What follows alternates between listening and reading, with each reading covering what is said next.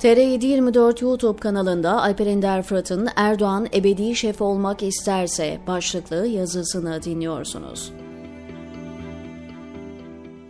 Avrupa İnsan Hakları Mahkemesi'nin Yüksel Yalçınkaya kararından sonra muhalefetten tek bir cümle gelmemesi, 15 Temmuz rejiminin iktidar ve muhalefetiyle ortak kurulmuş bir suç rejimi olduğunu ispat ediyor.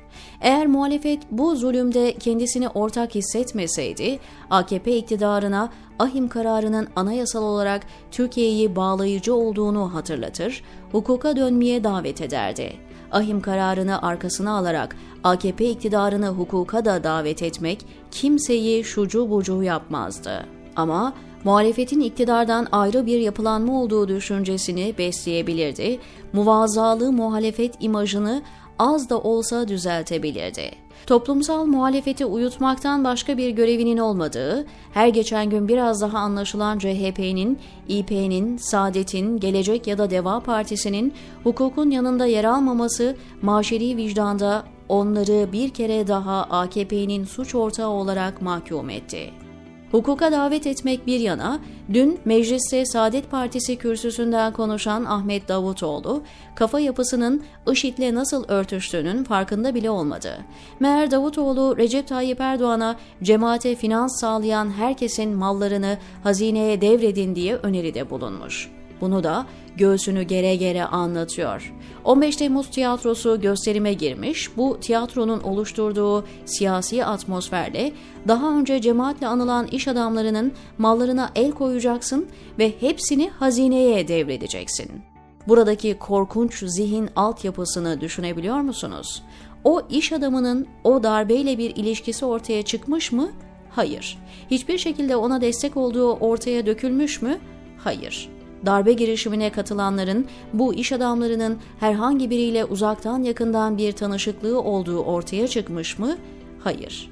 Hukuk yok, adil yargılama yok. Konjonktürel bir siyasi atmosfer yardımıyla onlarca yılın emeğini çalıp hazineye devret, bunun kafa kesen IŞİD anlayışından ne farkı var? Siyasi atmosferin uygunluğuna göre AKP Genel Başkanı'na bunların mallarını hazineye devredelim diye öneride bulunuyor. Senin üniversitene çöktüklerinde ayağa kalkıp nasıl da ver yansın ediyorsun.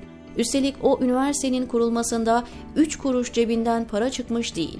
Milletin onlarca yıllık alın terine kendi kafandan verdiğin kararla el koyuyorsun.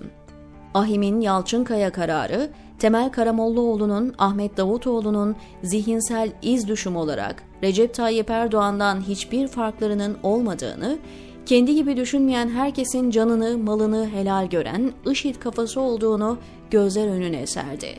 Recep Tayyip Erdoğan ahim kararı ile ilgili fikirlerini söyleyip kırmızı daireyi çizince rol gereği kendisine muhalefet görevi verilenler de o dairenin dışına çıkamayacağını öğrenmiş oldu.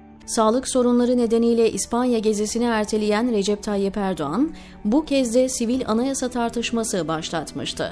Gündem değiştirmek için mi yoksa gerçekten yeni bir anayasa yapma fikriyle mi hareket ediyor bilemiyorum.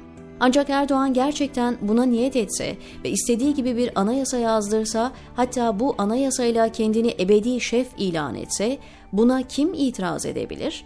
Ya da şöyle sormak daha doğru olur sanıyorum. Türkiye'de bir şekilde ikna edemeyeceği, satın alamayacağı kim olabilir? Sinan Oğan'ın 30 milyona satın alındığı, siyaset dünyasında herkesin kendisiyle iş tutmak için gizli açık can attığı bir ülkede kimi ikna edemez diye düşünüyorum ve buna cevap bulamıyorum ikna edemeyeceği herkesi zaten hapse attı.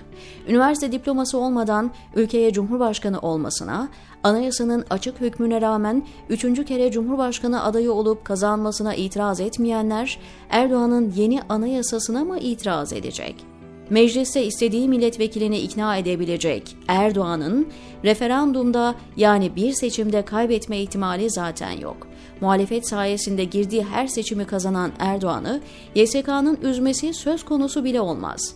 Avrupa İnsan Hakları Mahkemesi gibi hem dünya hem de ülke hukukunda geçerliliği olan bir kararda bile muhalefetin nasıl tavır alacağını belirleyen Recep Tayyip Erdoğan'ın mecliste ve siyasette satın alamayacağı hiçbir politikacı yok uluslararası dünyayı da onların istediği her şeyi vererek ikna edebilir. Yeter ki istesin, diyor Alper Ender Fırat, TR724'teki köşesinde.